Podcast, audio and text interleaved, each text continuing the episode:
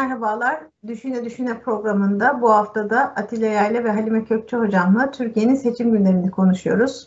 Uzun zamandır e, dış politika gibi konuları da ele aldığımız programımızda e, seçim gündemi nedeniyle iç politika konuşuyoruz. E, ve bugün artık seçimlerden önce e, 14 Mayıs 2023 seçimlerinden önceki son programımızdayız. Times of Türkiye platformunda uzun zamandır e, Düşüne Düşüne programında e, beraberiz ve uzun zamandır siyasetin gündemini konuşuyoruz. E, aslında dış siyaset ve dış politika e, yani benim zaten özel ilgi alanım ama e, onları da konuşuyorduk ama son zamanlarda Türkiye'nin e, çok önemli seçimlerinden biri olabilecek, bir dönüm noktası olabilecek e, seçimiyle e, karşınızdayız. E, o seçim program gündeminde bizim programlarımızın gündemi oldu. E, fakat e, şunu söylemek gerekir ki e, 14 Mayıs e, tarihi hatırlarsanız 23 Haziran 2018 seçimlerinin e, seneyi devriyesinde e, 5 seneyi devriyesi 5 sene sonraki yani bir, bir, son, bir sonraki e, Haziran 2023'te yapılacak olan planlanan seçim e, birçok sebeple işte hacıların e, gidip gelmesi, okulların e, e, final ve e, özellikle e, şey dönemleri, sınav dönemleri, çocukların üniversite sınavı vesaire gibi de sebeplerle e, çok öne hatırı sayılmayacak bir ay gibi bir e, neredeyse bir aydan biraz fazla bir şekilde öne alındı. E, ve tarih olarak da 14 Mayıs 1923 belirlendi. Bu tarihin üzerinde aslında çok durulmadı. Ama bu sembolik bir tarih. Aynı zamanda 14 Mayıs 1950 seçimlerinin de e, bir şekilde e, e, e an e, sene, senesi oluyor. Onun bir e, e, kaçıncı yılı oluyor 1950 73. yılları yılı oluyor aynı zamanda. Şimdi 1950 e, seçimleri 14 Mayıs'la ilgili e, çok fazla konuşulmadı. Önce bir e, işte yeter söz milletin sloganı o seçimlerde hatırlarsanız bir gündeme geldi. Bunu Cumhurbaşkanı Erdoğan dile getirdikten sonra Kılıçdaroğlu e, bunu CHP'nin genel merkezine astırdı bu yeter söz milletine. Ama herhalde Millet İttifakı oradan yürüyemeyeceğini düşünerek çünkü o seçim doğrudan CHP'nin varlığına e, karşın yapılmış bir seçimdi. CHP'nin tahakkümüne karşı yapılmış bir seçimdi.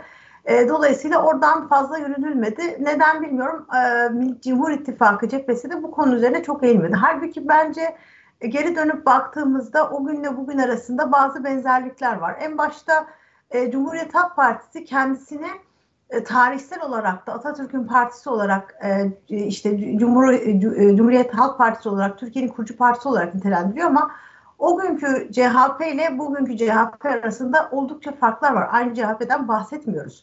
E, ama o günde hatırlarsanız e, CHP'nin e, muhalefeti engellemek gibi bir tutumu ve ciddi bir e, baskısı vardı. 1950 seçimleri ilk e, çok partili serbest seçim değil. Daha öncesinde 1946 seçimleri vardı ve orada e, açık oy gizli sayım e, ilkesi e, prensibiyle seçimler yapılmıştı ve bu takdir edersiniz ki çok e, antidemokratik bir yöntem yani bir e, seçim yapmak için.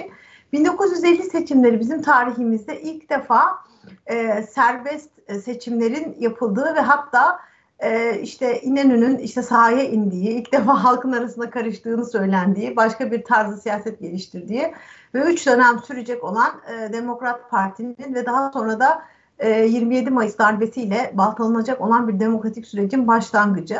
Ee, biz de bu özellikle siyaset bilimi literatüründe e, burada hepimiz e, siyaset bilimi kültüründen geliyoruz. E, akademik olarak e, Atilla hocamız zaten e, hocası.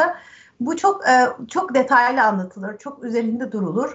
çünkü takdire şayandır ki Türkiye gibi bir ülkenin uzun süren tek parti yönetiminden sonra bir demokratik adım atmış olması ve eğer o demokratik adımın yine demokratik yollarla Demokrat Parti'nin de, e, el değiştirerek bir şekilde darbeyle engellenmeden yoluna devam etseydi, daha sonra 80 darbesi olmasaydı, çeşitli askeri e, taarruzlar olmasaydı, vesayet kurulmasaydı nasıl bir Türkiye'ye geleceğimiz konusu da e, sık sık konuştuğumuz bir konu.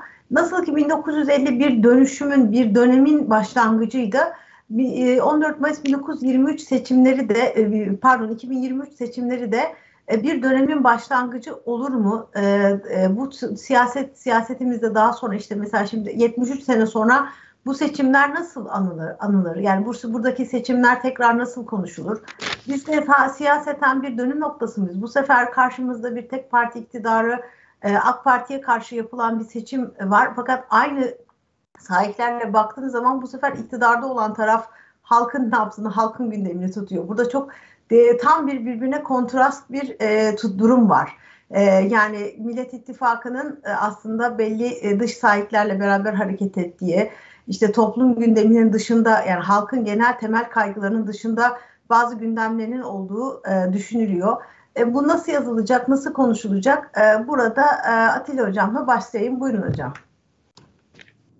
14 Mayıs tabii ki e, sembolik bir anlam taşıyan bir gün. Ama 14 Mayıs'ın e, ne olduğunu ve ne ifade ettiğini kelimenin gerçek anlamda anlayabilmek için bir e, tarihe gitmek lazım. İki karşılaştırmalı bir perspektif kullanmak lazım. Bir genç insanlar e, tarihi tabii pek bilmiyorlar. Tarih okumaya da meraklı değiller. Bundan dolayı e, hayatın AK Parti ile başladığını ve AK Parti'nin bütün problemlerin kaynağı olduğunu, AK Parti'nin iktidardan gitmesinin de Türkiye'yi bir tür cennete çevireceğini düşünen insanlar var tarihi bir perspektiften ve karşılaştırma olarak bakıldığında bu görüşün pek de mantıklı ve sağlıklı bir görüş olmadığı ortaya çıkacaktır.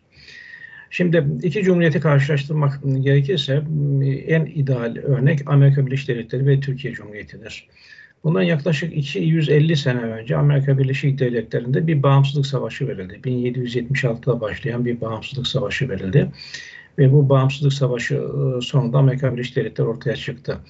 Ee, burada bir parantez açarak bağımsızlık savaşı ile ilgili olarak üretilmiş siyasi edebiyata da işaret etmek isterim.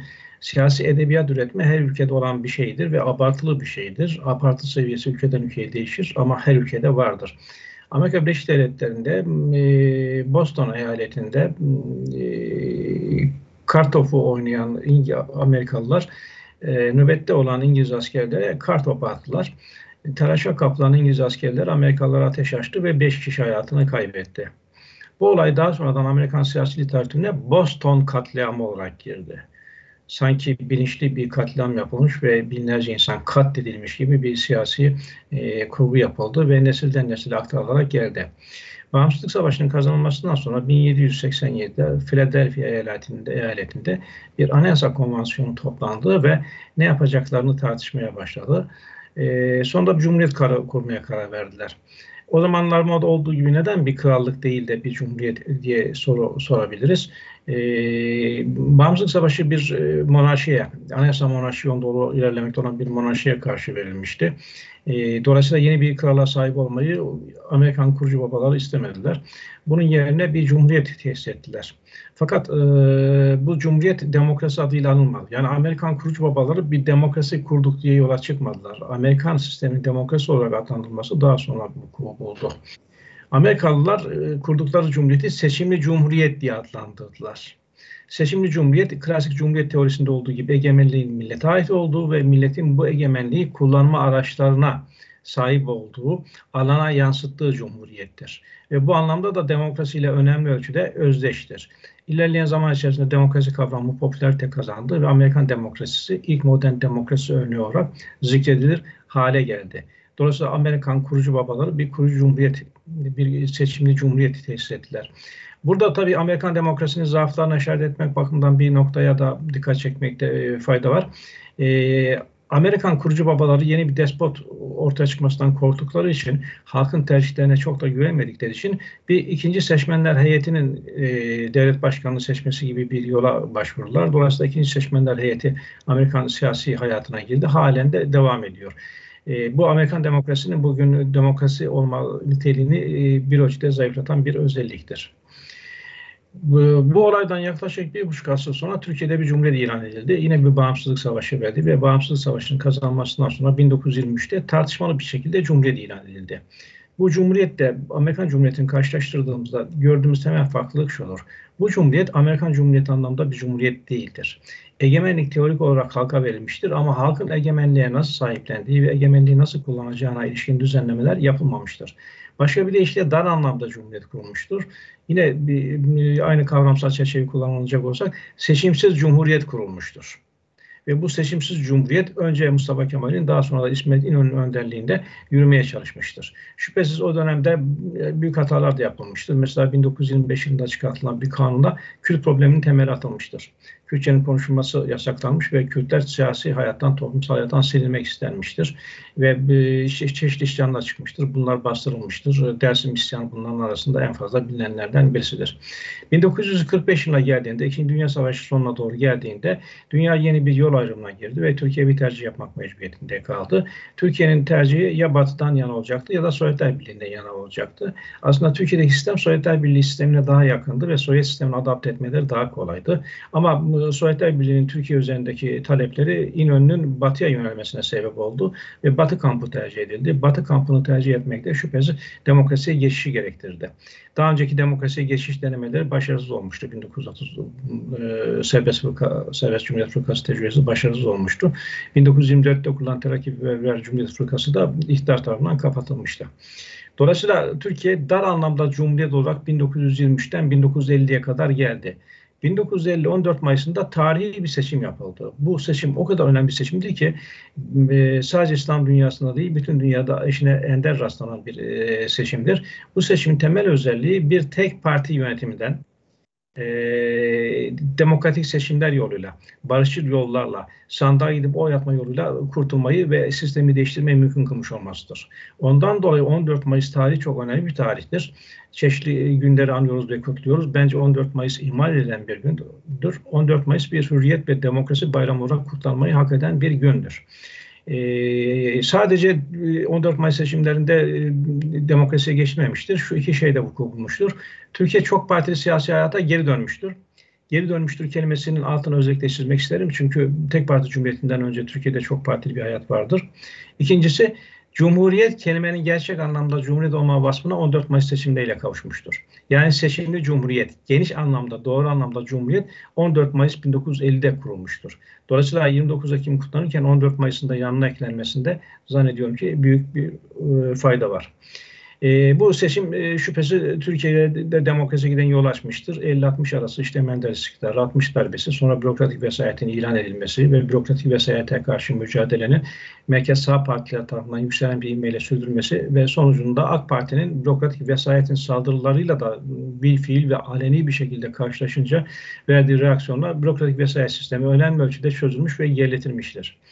Şimdi böyle tarihi bir günde tekrar seçime gidiyoruz. Bu tarihi günü seçerken 14 Mayıs'ı seçerken iktidar şüphesiz e, etkilenmiş olmalıdır. Nitekim 14 Mayıs'a ilişkin bir takım sloganlar işte yeter söz milletindir e, sloganının bir benzeri AK Parti tarafından e, kullanılıyor. Bu seçimde çok önemli bir seçim. Türkiye önemli seçimler ülkesi ama bu seçim e, daha önemli bir seçim. 14 e, Mayıs 1950 seçimi kadar önemli olduğunu söyleyemeyeceğim. Çünkü 14 Mayıs 1950'de bir rejim değişikliği söz konusuydu.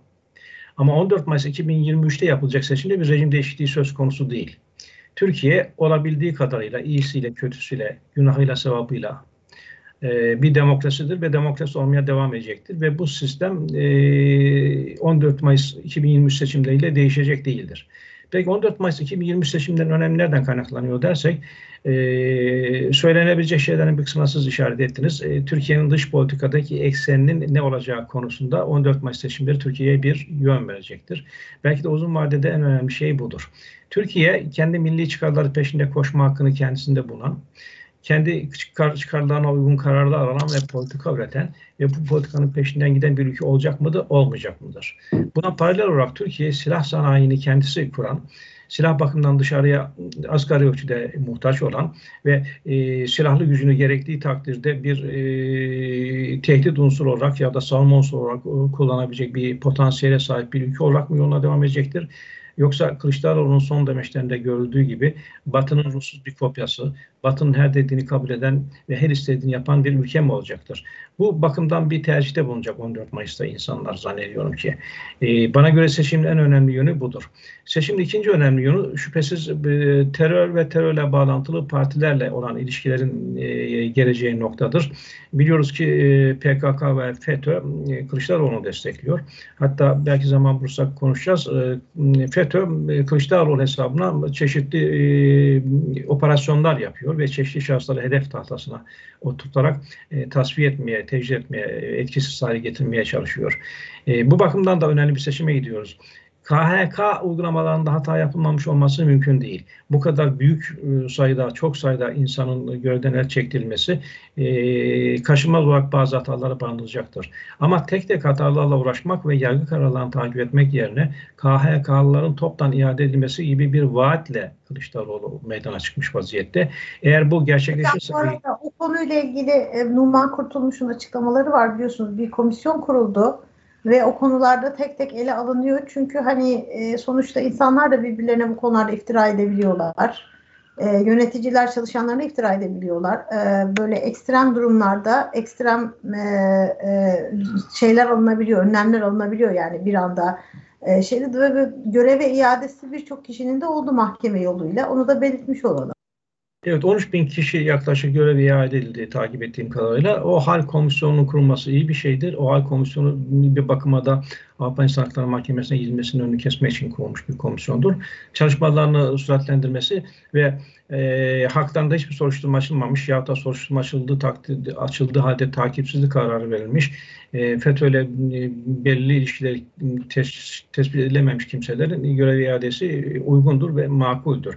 Ama toptan KHK'yı kaldırmak ve toptan KHK ile görevden uzaklaştırılmış kişileri göreve iade etmek FETÖ'yü tekrar eski yerine iade etmek anlamına gelir.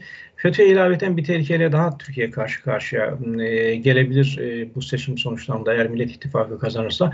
Bu da şu ana kadar devlete, devlet dışından müdahale eden, devlete, devlet dışından savaş açmış olan PKK'nın e, bir anlamda FETÖ'leşerek devlet içinde de varlık alanı bulması ve savaşını devlet içerisine taşıması ihtimalidir. Bu da tabii ki korkutucu bir durumdur. Dolayısıyla seçimin ana temalarının bunlar olduğunu söyleyebilirim. Geriye kalıyor mesela iktisadi kriz. İktisadi kriz hükümetin de hataları olmakla beraber e, Türkiye'de aşağı yukarı her 20 senede bir vuku bulan bir hadisedir. Türkiye'nin kronik problemleri kaçınılmaz olarak iktisadi krizleri de getirmektedir. Ve bu krizlerin çözümü A iktidarına gidip B iktidarının gelmesiyle sağlanacak bir e, durum değildir. Daha ziyade kültürel bir e, evet kaynağı sahiptir. Davranış normlarına ait bir kaynağı sahiptir.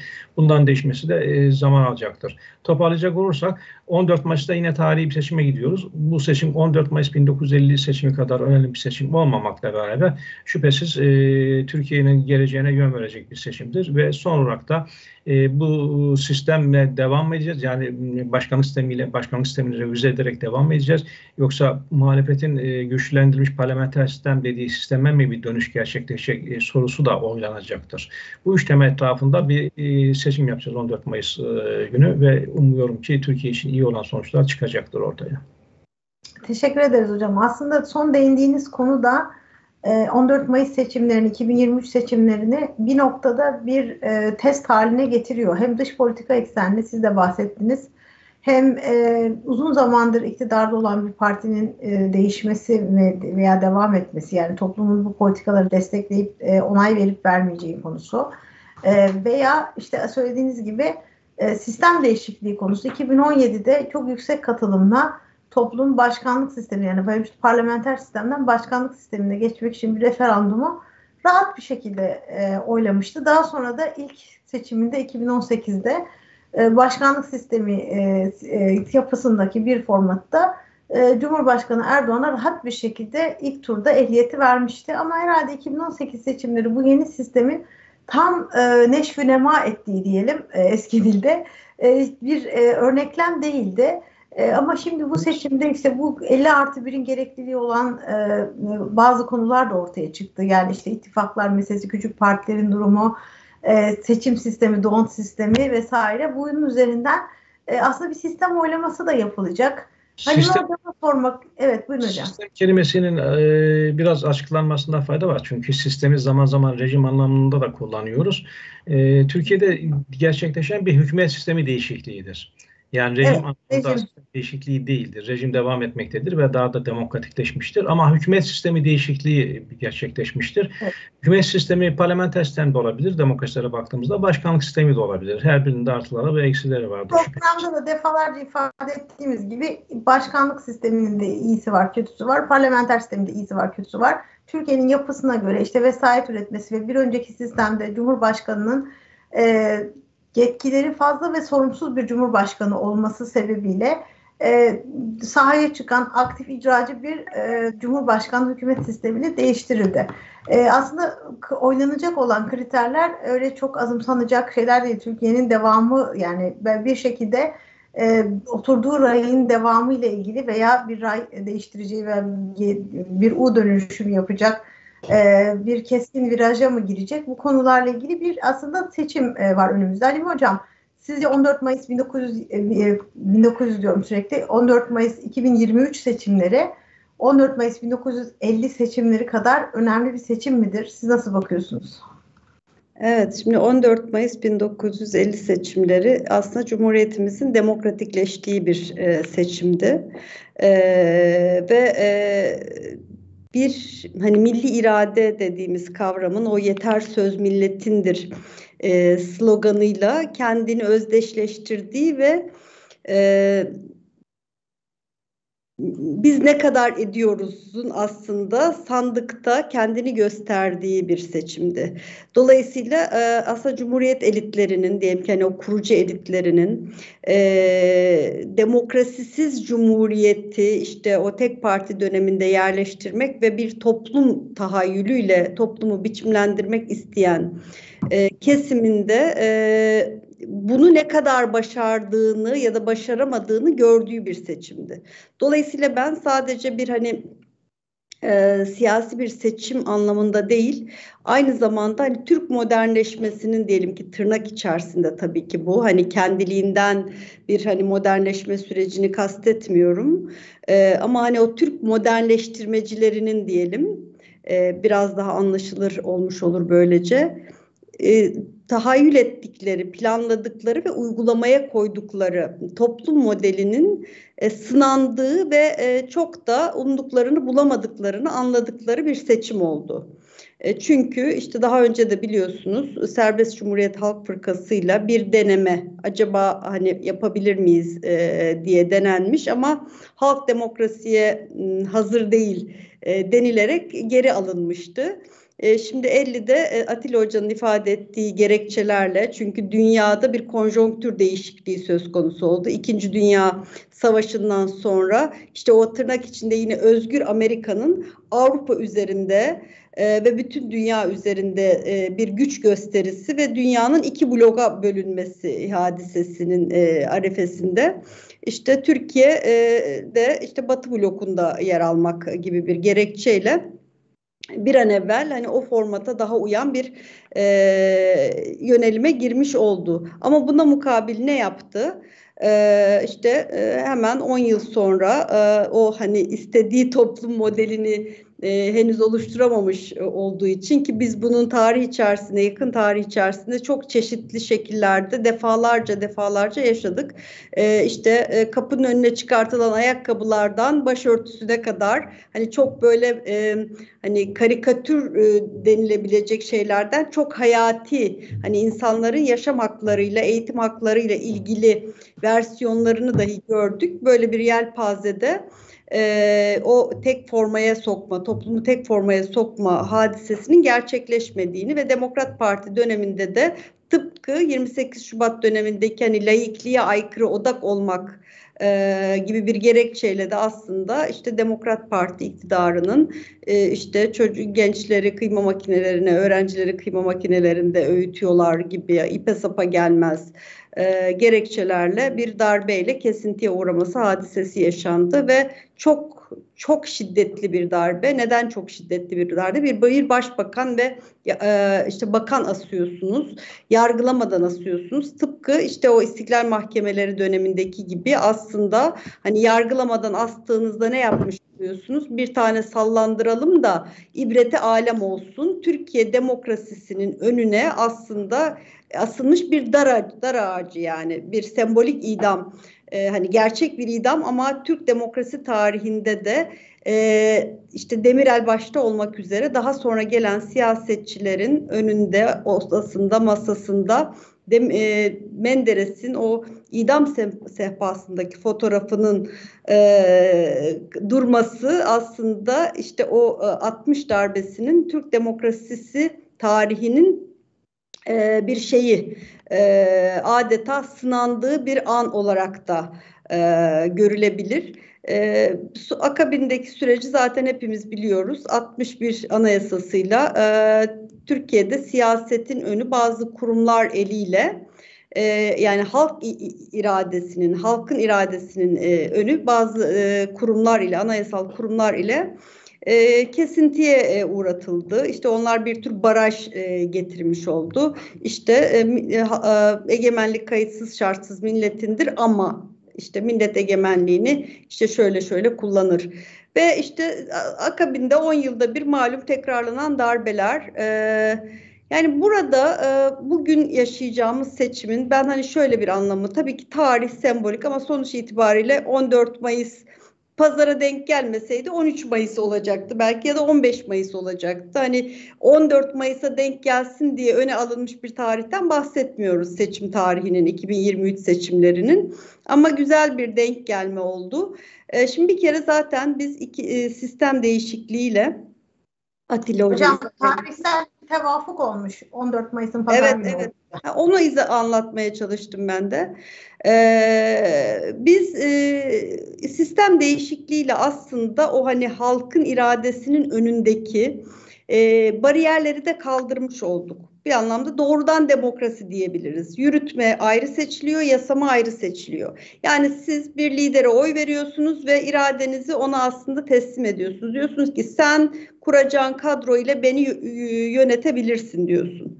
Ee, ben de ayrıca yasamayı sana destek olacak ya da yürütmeye destek olacak yasama organını da ayrıca seçeceğim diyorsun. Şimdi bu tabii ki hani e, mutlaka zaten seçim beyannamesinde biliyorsunuz AK Parti'nin seçim beyannamesinde sistemle ilgili bazı revizyonlar öngördükleri ve seçimden hani sonra bunları da seçmene vaat olarak ifade ettiklerini biliyoruz. Nitekim bu süreç içerisinde de çünkü üzerinden bir seçim geçti, ikinci seçimi yaşıyoruz. Dolayısıyla nerelerde tıkanıklık var, nerelerde error var bunu da yaşamış olduk biz bu süreç içerisinde.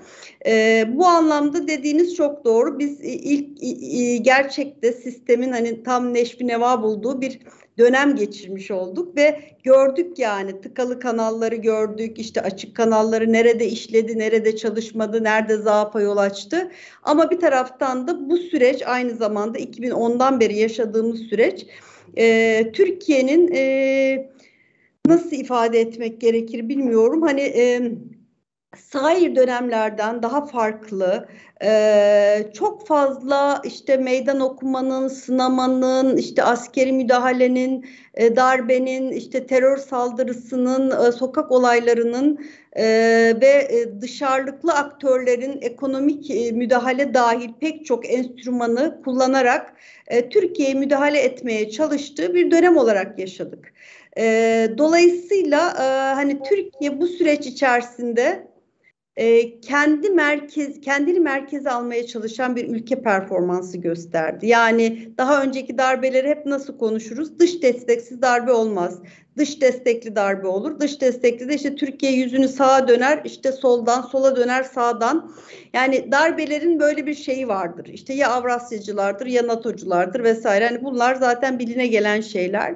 Şimdi Türkiye hani tam da işte hani e, artık soğuk savaş konseptinin bittiği işte çok e, kutuplu dünyanın olduğu başka daha küçük aktörlerin de aktörleştiği yani çok aktörlü bir yerde kendi imkanınca söz söyleme kabiliyetine eriştiği bir yerde biz kendimize bir istikamet tayin etmeye çalışıyoruz. Şimdi evet, 2023 seçimlerini ben bu anlamda çok önemli görüyorum. Nasıl yani? E, son 10 yıl e, 2013'ten 2023'e bakın 2013'ün nasıl bir tarih olduğunu hepimiz biliyoruz. Geldik 2023'e. 2023 Cumhurbaşkanı Erdoğan'ın 2010'ların başından beri e, koyduğu biliyorsunuz 3 tane milat var. Biri 2023'tü, biri 2053, biri 2071. 2023 Cumhurbaşkanının bizatihi siyaset yaparken görebileceği bir tarihti. O tarih geldi çattı ve o tarihe ilişkin e, bir takım işte hayalleri vardı. O hayaller aslında son 10 yıldır AK Parti ve Cumhurbaşkanı Erdoğan'ın e, yapmaya niyetlendiği ve tam da bu yüzden aslında durdurulmak istendiği bir dönem durdurulamadı ve onlar peş peşe bugün işte hani e, bahsettiğimiz bütün o hani övünç duyduğumuz diyelim ki Türkiye'nin ekonomik savunma enerji alanında e, işte hani güçlendiren Türkiye'yi güçlendiren yatırımların semeresini almış olduk. 2023 tam da bu yüzden önemli bir tarihti. Yani durdurulmak istenmesinin sebebi buydu. Türkiye'nin Türkiye'nin de Cumhurbaşkanı Erdoğan'ın da diyelim ki 2023'e atfettiği e, önemin sebebi buydu. Bundan sonraki tarihleri Cumhurbaşkanı siyaset yaparken görmeyecek. Belki hiçbirimizin ömrü vefa etmeyecek ama bu tarihin ilkini hep beraber e, göğüsleyebilmiş olmamız, o, o tarihe erişebilmiş olmamız bence Türk kamuoyunda bir özgüven tazelemesi. Yani artık Türkiye halkıyla milletiyle darbe olduğunda sessiz kalan, içine kapanan e, bir ülke değil. E, işte bütün bu sözünü ettiğiniz yatırımlar biliyorsunuz 40'larda aslında başlamış hikayeler ama hepsi hakim kalmış. Hepsi işte yap satçı, al satçı bir Türkiye'ye mahkum edilmiş Türkiye. Bütün o hani üzerimizdeki ölü toprağa attığımız tekrar hani bir tür işte Türkiye yüzyılı şiarı da o slogan da biliyorsunuz hani burayla örtüşüyor. 2023 Türkiye'nin şahlanış yüzyılı olsun. Ben bu açıdan çok önemli buluyorum. Yani evet Türkiye durdurulacak mı? Yoluna devam mı edecek? Yani bu, bir bir başka seçimle kıyaslamak adına söylemiyorum. Bir yönüyle bakarsanız hepsinden bile önemli diyebilirsiniz. Bir yönüyle bakarsanız o kadar da önemli değil. Ama kendi içinde, kendi ağırlığınca değerlendirdiğimizde 14 Mayıs 2013 2023 seçimleri Türkiye'nin gerçekten bu istikamette yürümeye devam mı edecek yoksa Kılıçdaroğlu'nun batılı aktörlere verdiği söz biz tekrar batının bir işte e, uydusu ya da Batı'nın sözünü dinleyen, boyu uzamayan, kısalmayan bir aktör olmaya razı mı olacağız? Tekrar söz dinleyen bir Türkiye mi olacağız noktasına geleceği bir seçim mi olacak? Yani burada kimin kazanacağı bu iki kaderden birini tercih etmek anlamına gelecek bana kalırsa. Teşekkür ediyorum hocam. Şimdi bu seçimin diğer seçimlere göre başka bazı özellikleri de var değişmeyen bazı şeyler de var. Ee, en başta e, şunu hatırlatmak lazım ki e, geçen seçimde 3.4 milyon geçersiz oy kullanılmış. Hani bu konuda vatandaşların e, bilinçlenmesiyle ilgili bütün partilerde bir çaba var. Çünkü düşünsenize yani 901 milyon oyu olan partilerle ittifak yapıyorsunuz. Bu seçimin genel karakterlerinden birisi. Ee, ve o partiler e, büyük ittifakların içine giriyorlar. Oralardan vekil vesaire e, çıkaracaklar. Belki de bu çok iyi bir şey. İleriki yıllarda göreceğiz. Bu kadar parçalı, bölüklü, farklı e, e, siyasi e, temayüllerin mecliste temsil edilmesi bir çok seslilik, bir hareketlilik getirecektir. Ama bir yandan da e, yani birkaç partinin belki oyuna tekabül edecek bir sayıda 3, 3 milyondan fazla da geçersiz oy kullanılmış. E, bu konuda e, gerçekten e, önemli değişmeyen e, makus tarihimizden bir tanesi olmasın. E, bir diğeri e, bu seçimde e, de gene maalesef işte e, bu kaset vesaire gibi yani insanların e, ifşalar üzerinden giden e, her seçimde artan ve sosyal medyanın yapısıyla beraber e, seçimi e, siyasi argümanlar, e, işte meşru bir e, rekabet alanı, işte birbirine siyaseten çatma, polemik yapma, suçlama vesaire gibi meşru bir alanın dışına çıkaran her seçimde var. Bu 2007'de e, kaset kumpasıyla beraber Deniz Baykal'ın başına gelmişti. Ve daha sonra e, birçok zaman bu denendi. Bu bir FETÖ taktiğidir, bu bir istihbarat örgütü taktiğidir. Bu terör örgütlerinin kullandığı bir yöntemdir. Ama e, Türkiye'de e, maalesef bu yöntemleri e, siyaset dışı yöntemlere bel bağlamış e, bunları e, bir şekilde siyasetin seyrini değiştirmesini, etkilemesinden rahatsız olmayan e, bir seçmen grubu var. Şöyle başlayayım. İnşallah iki gün sonra ilk turda bitecek. Ee, hakikaten biz de e, bu süreçte ben hem içinde olan birisi olarak tabii yorucu da bir süreç. E, bu temenniye tabii katılıyorum e, Atilla Hocam. E, şimdi Cumhuriyet Halk Partisi e, bana kalırsa e, 2009'dan bu yana e, FETÖ'nün e, FETÖ darbesiyle biçimlenen bir partidir. Kemal Kılıçdaroğlu'nun FETÖ'nün başına oturtulması, getirilmesi de bir FETÖ darbesidir.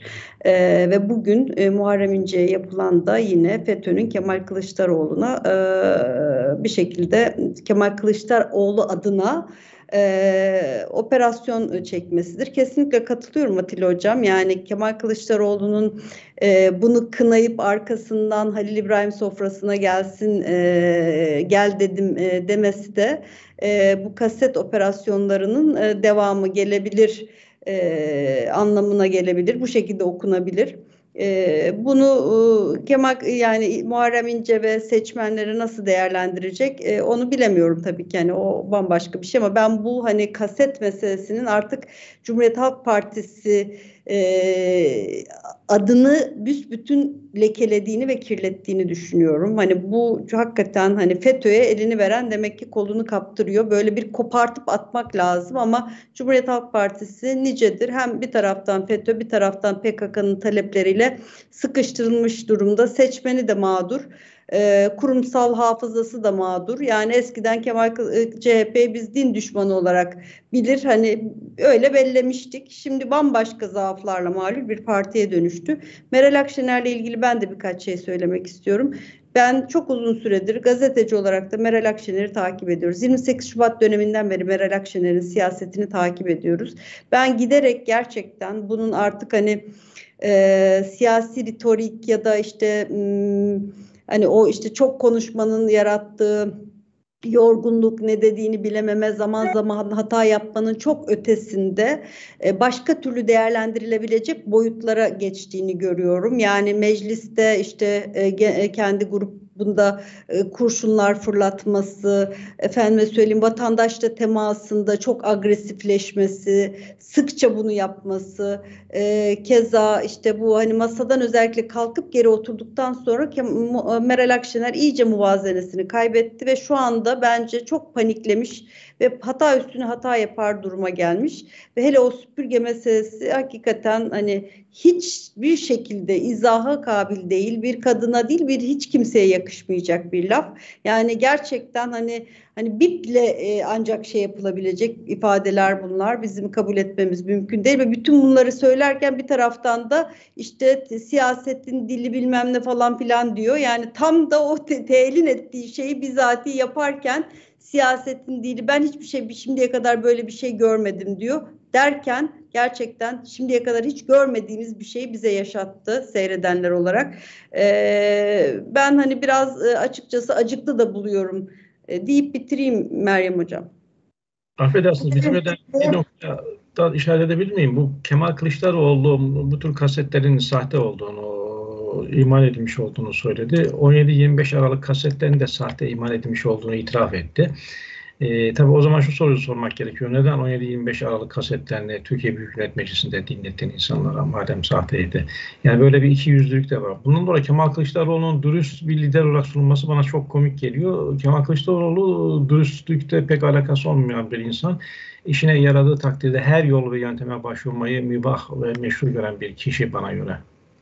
Yani özür dilemesi lazım. Hem Türk milletinden evet. hem de bizatihi Cumhurbaşkanı Erdoğan ve AK Partilerden özür dilemesi gerekiyor. Evet. Ee, bir de şu da var ki Kılıçdaroğlu bu açıklamayı yaparken aynı zamanda Kılıçdaroğlu'nun taraftarları, yandaşları, CHP trolleri Twitter'da bu kaset gerçekmiş gibi bir intiba yaratıyorlardı. Lider elbette böyle bir şeye tevessül etmediğini açıklayacak ama bakar baktığınız zaman arkasından gelen kitlenin hani adeta tamam bitti işte Muharrem İnce çekil noktasında ee, yani mesela Erzurum'da bir e, geçen hafta taşlama meselesi oldu ve onu daha yani olay çıkar çıkmaz işte tamam seyir değişti vesaire. Yani her krizden bir e, şey çıkaran, e, bir bunun üzerinden bir siyaset yapan bir kitle var ve bunu da sahiplendiler. Yani bu kaseti doğruymuş gibi sahiplendiler. Kitleye baktığınız zaman, öncülere baktığınız zaman.